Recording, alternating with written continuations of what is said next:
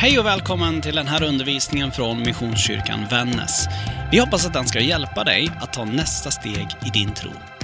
Är du intresserad av mer från oss eller vill kontakta oss så hittar du allt det du behöver på www.missionskyrkanvannas.se eller på de vanligaste sociala plattformarna. Välkommen hem!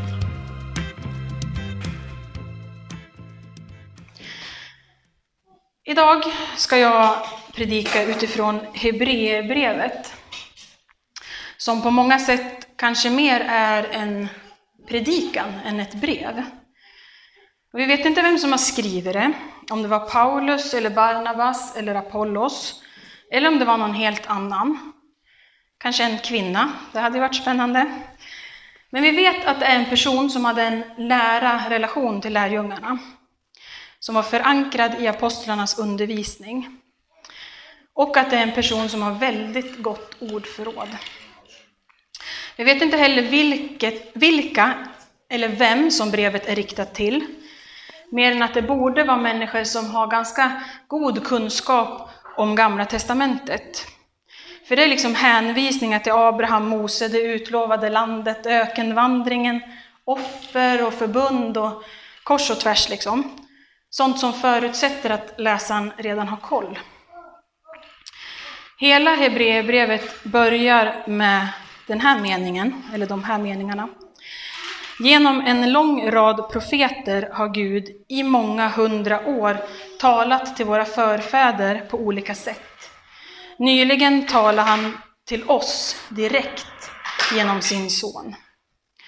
Och själva syftet med det här brevet tycks vara att lyfta Jesus, som i de första tio kapitlen ställs emot allt det där som mottagaren tidigare har lärt sig. Till exempel, Israels folk uppmanas att lyssna till Toran, till texterna i Gamla Testamentet och följa Mose lag. Men Hebreerbrevet pekar på att vi ska lyssna ännu mer till Jesus som är Guds ord och följa den lag som han har gett oss.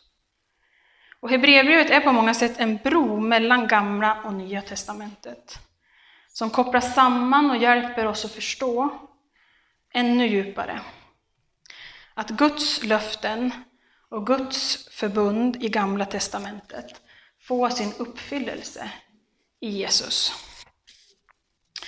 Och där vi kommer in i det som är dagens text så har Jesus ställts emot traditionen och det historiska genom en mängd exempel på människor som har gått före. Men lite mer om det om en stund.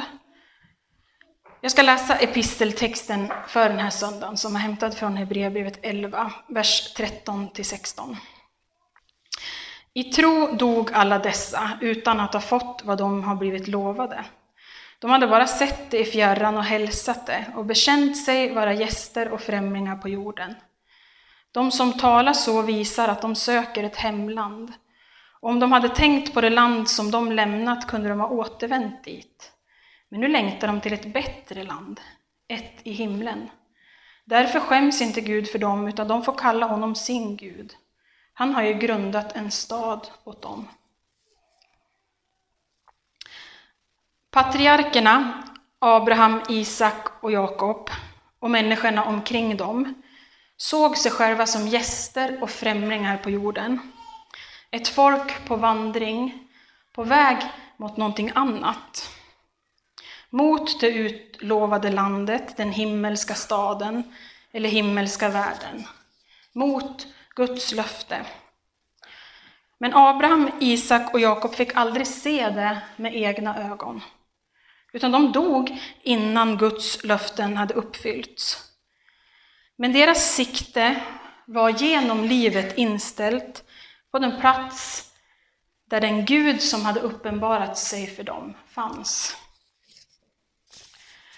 Jag vet inte hur det är för dig, men när vi tänker på våra egna erfarenheter om hur Gud har uppenbarat sig, tillfällen när vi har fått starka gudsmöten, när Jesus liksom drabbat oss, då tror jag att de flesta av oss kopplar det till en plats. Det kan vara en lägergård eller ett sommarhem, ett tält. En fysisk plats där vi har fått känna något, Där vi har fått uppleva något stort tillsammans med Herren. Och det gör den platsen viktig, i det närmaste helig. Så till den grad att vi ibland klamrar fast vid den. Istället för att som Abraham, Isak och Jakob fokusera på mötet snarare än mötesplatsen. Deras erfarenheter och upplevelser tillsammans med Gud blev inte centraliserade eller centrerade till den platsen eller situationen, utan den skapade istället en längtan efter mer av Gud. Ett ständigt sökande och en vandring vidare mot den där platsen där Gud alltid är. Mot evighetshoppet, snarare än att stanna på den plats Gud var. När vi tappar bort varann, oavsett om det är ett stort köpcentrum eller på en festival eller i en skog, så är det ju egentligen lönlöst att bara springa runt och leta, för då fortsätter vi springa om varann. Och när vi lär barnen att hitta vilse, då gör vi det genom att de ska stanna på en plats i skogen, att de ska krama ett träd. Ofta tror jag att vi applicerar den metoden också när det handlar om våra liv och vår tro. Att om vi bara stannar kvar på en plats så kommer Gud hitta oss. Istället för att fortsätta söka. Vi glömmer liksom bort att Gud, han har aldrig tappat bort oss. För honom är vi inte vilse. Vi kan känna oss vilse, ensamma, där vi står och krampaktigt kramar om den där stora tallen. Men han är alltid där. Det är inte vi som är vilse. Det är vår tro som har gått vilse. Och när jag läser kapitel 11 i Hebreerbrevet så blir det så tydligt att det handlar om just tro. Det inleds med orden Tron är grundet för, grunden för det vi hoppas på. Den ger oss visshet om det vi inte kan se. Och så kommer en lång uppräkning på människor som har levt i tro på Guds löften, men som aldrig fick se dem uppfyllas. Alla som har hoppats och längtat, men aldrig fick uppleva det. Och författaren räknar upp mängder med exempel där det beskrivs hur Abel, Henok, Noa, Abraham, Sara, Isak, Jakob, Josef, Mose, Rakav i tro agerade och vad som hände i deras liv. Och så kommer ett stycke som jag tycker är ganska roligt. Då står det så här, behöver jag säga mer? Tiden räcker inte till för att jag ska kunna berätta om Gideon, Barak, Simson och Jefta, om David och Samuel, om profeterna. Genom sin tro kunde de besegra kungariken, utöva rättfärdighet och få löftena uppfyllda. De kunde täppa till lejonens gap, släcka rasande eld och undkomma svärdets ägg. De var svaga men blev starka, fick kraft i striden och jagade främmande härar på flykten. Det är liksom som att det sprutar argument ur författaren. Och så kommer den här insikten att det går inte att beskriva allt i detalj. Och samtidigt så vore det ju lite synd att inte nämna just det här och det här och det här. Så får det bli en kompromiss istället. Men så kommer de avslutande orden i kapitlet. Ingen av dessa som genom sin tro har fått Guds vittnesbörd fick se löftet uppfyllas. Gud har förut bestämt något bättre åt oss. Och därför ska de nå upp, full, uppnå fullkomligheten först tillsammans med oss. Det är ord som gör mig bara ännu mer nyfiken. Varför har det formulerats sådär? Vad är det som stökar i mottagarnas liv och gör att de behöver påminnas om att andra som har gått före också bara levt i tro och inte heller fått sett löftet uppfyllas? Vad är det som gör att de behöver höra att det är samma löfte och samma Gud? Eugene Peterson han skriver i introduktionen till Hebreerbrevet i sin parafras The Message så här. Huvudsaken i världshistorien och för varje enskild människa är vad Gud har gjort, gör och kommer göra för oss. Jesus är den som förkroppsligar allt detta. Huvudsaken i våra liv är att vi lever i enlighet med det Jesus har låtit oss veta om Gud. Vår roll i frälsningen är att tro, visa tilltro, trofasthet och förtröstan. Men under resans gång blir vi inte sällan otåliga och får höga tankar om oss själva. Vi bestämmer oss för att dra vårt strå till stacken för att förbättra saker och ting. Vi förstärker vissa saker, lägger till andra och snyggar till några ytterligare. Men istället för att förbättra det som Jesus klart och tydligt visat, fördunklar vi det klara och rör till det tydliga. Vi blir småaktigt religiösa eller ängsligt religiösa. Vi kommer i vägen. Då är det på tiden att vi läser och ber oss genom brevet till Hebreerna igen. Det skrevs för överreligiösa kristna, för kristna som tror på Jesus plus något annat. Då brevet skrevs gällde det Jesus plus änglar, eller Jesus plus Moses, eller Jesus plus templet. Nu för tiden är det väl snarare Jesus plus politik, eller Jesus plus utbildning, eller Jesus plus Buddha som är på tapeten. Det här brevet tar bort de överflödiga tilläggen. Fokus hamnar åter där det ska ligga, på vad Gud har gjort genom Jesus. Så blir vi på nytt fria att tro det enda vi kan göra för att komma iväg istället för i vägen. Återigen så påminns vi om skillnaden mellan religion och relation. Hur vi i vår välvilliga strävan efter att för Guds skull få ordning på allt faktiskt kan stå i vägen för det Gud redan gör för oss. För det händer ju även oss. Att vi fastnar, står i vägen, istället för att faktiskt komma iväg, ut. Det var ju det Jesus sa, gå ut. I Gamla Testamentet så är det mycket fokus på att göra rätt, på lagen, förbundsarken och prästerskapet, på ritualer kring offer och rening. Det behövs inget sånt. Den nya planen jag ska göra upp med Israel kommer inte vara skriven på papper. Den kommer inte vara ristad i sten. Den här gången ska jag skriva den i dem, rista den i deras hjärtan. Vi behöver inte längre några överstepräster, inga draperier för det allra heligaste. Inga altaren eller jordiska smyckningar, inga djuroffer eller reningsritualer, förbundsark, skådebröd eller stentavlor.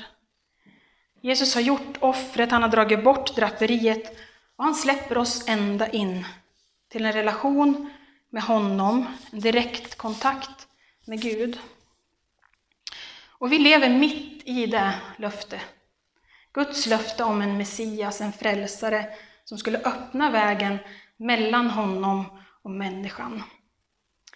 Men då blir kanske frågan, vad är det som står i vägen i våra liv? Vad har vi gjort större och viktigare än Jesus? På vilka områden fastnar, vacklar, eller står vi i vägen för tron och hoppet? Jesus plus familjen, Jesus plus församlingen, Jesus plus pengar. Att gå i tro att leva i tro, vad menas ens med det? Jag tror att det finns flera svar på den frågan. Men att det djupast sett handlar om att vara planterad. Jag har precis tagit hem en guldranka från min mormor. Den är planterad i jord.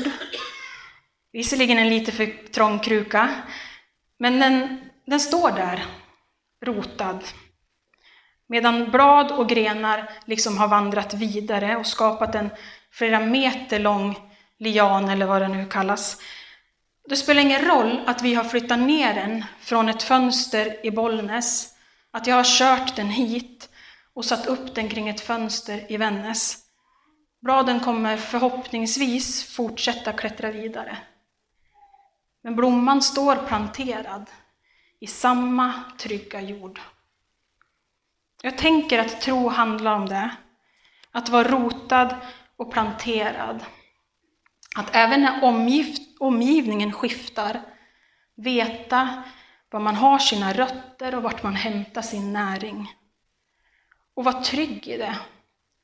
Att sätta sin tillit till att det jag har är gott och jag är det jag ska vara.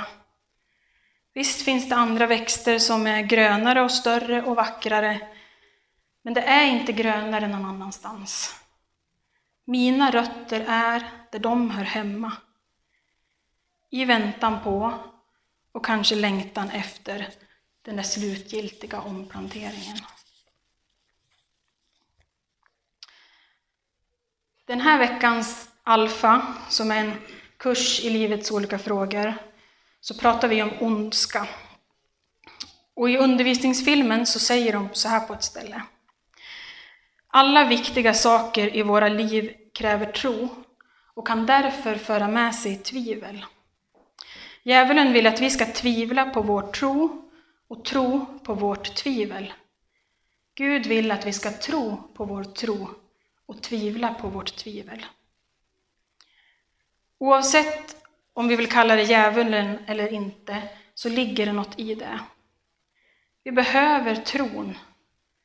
Alla våra viktiga saker i livet kräver tro. Vi behöver leva i tro, förtröstan, i tillit. Vi behöver bäras av hopp. Annars blir våra liv både ganska hårda och sorgliga. Och i perioder när tron blir tvivel, då behöver vi inte bara Gud, utan vi behöver andra människor. Människor som med sin tro kan hjälpa oss att se något annat. Vi behöver väckas ur vår bubbla och inse att vi är en del av något större. Se tillbaka i Bibeln på människor som har gått före oss. Lära oss av deras tro och liv. Men också påminnas om att vad vi än går igenom, vilken sorg och förtvivlan vi än står mitt i, så är vi inte ensamma i det. Jesus är där. Och människor har gått igenom det förut. Människor har klarat sig igenom svintuffa grejer och fått bra liv. Vår roll i frälsningen är att tro, visa tilltro, trofasthet och förtröstan. Ljuset övervinner mörkret. Vi kanske inte ser det. Vi kanske bara anar det i fjärran och knappt ens det. Men Jesus Kristus, världens ljus, han har lovat att vi inte ska behöva vandra i mörker. Att hans ljus är starkare än så. Och att vi får leva i tro på det löftet. Och på löftet om en evighet tillsammans med Gud. Och det kanske kan kännas tröstlöst att lita på ett löfte som liksom legat kvar sedan Abrahams tid. Men för Gud är tusen år som en dag. Och vi ska inte veta eller förstå allting. Därför gäller fortfarande löftet. Det upphävdes inte på Josuas tid när folket nådde det utlovade landet. I så fall hade ju Gud inte upprepat erbjudandet idag. Löftet om att nå fram och vila gäller ännu för Guds folk. Gud själv vilar. Vid slutet av resan kommer vi också få vila ut med Gud. Låt oss alltså vandra vidare så att vi till sist når fram till vilan och inte går fel på grund av att vi inte vill höra på vad Gud säger. Löftet står kvar om den där platsen, platsen där Gud finns. Vi kanske inte kommer få se det heller, men varje dag så kommer vi en liten bit närmare. Om vi vågar att gå. Jag tror att det är en nyckel i att leva i tro. Visst så handlar det om att veta var jag är planterad, men att inte stanna djupt där nere i jorden bland rötterna, utan faktiskt växa vidare. Vi ska inte stanna upp. Vi är också ett folk på vandring.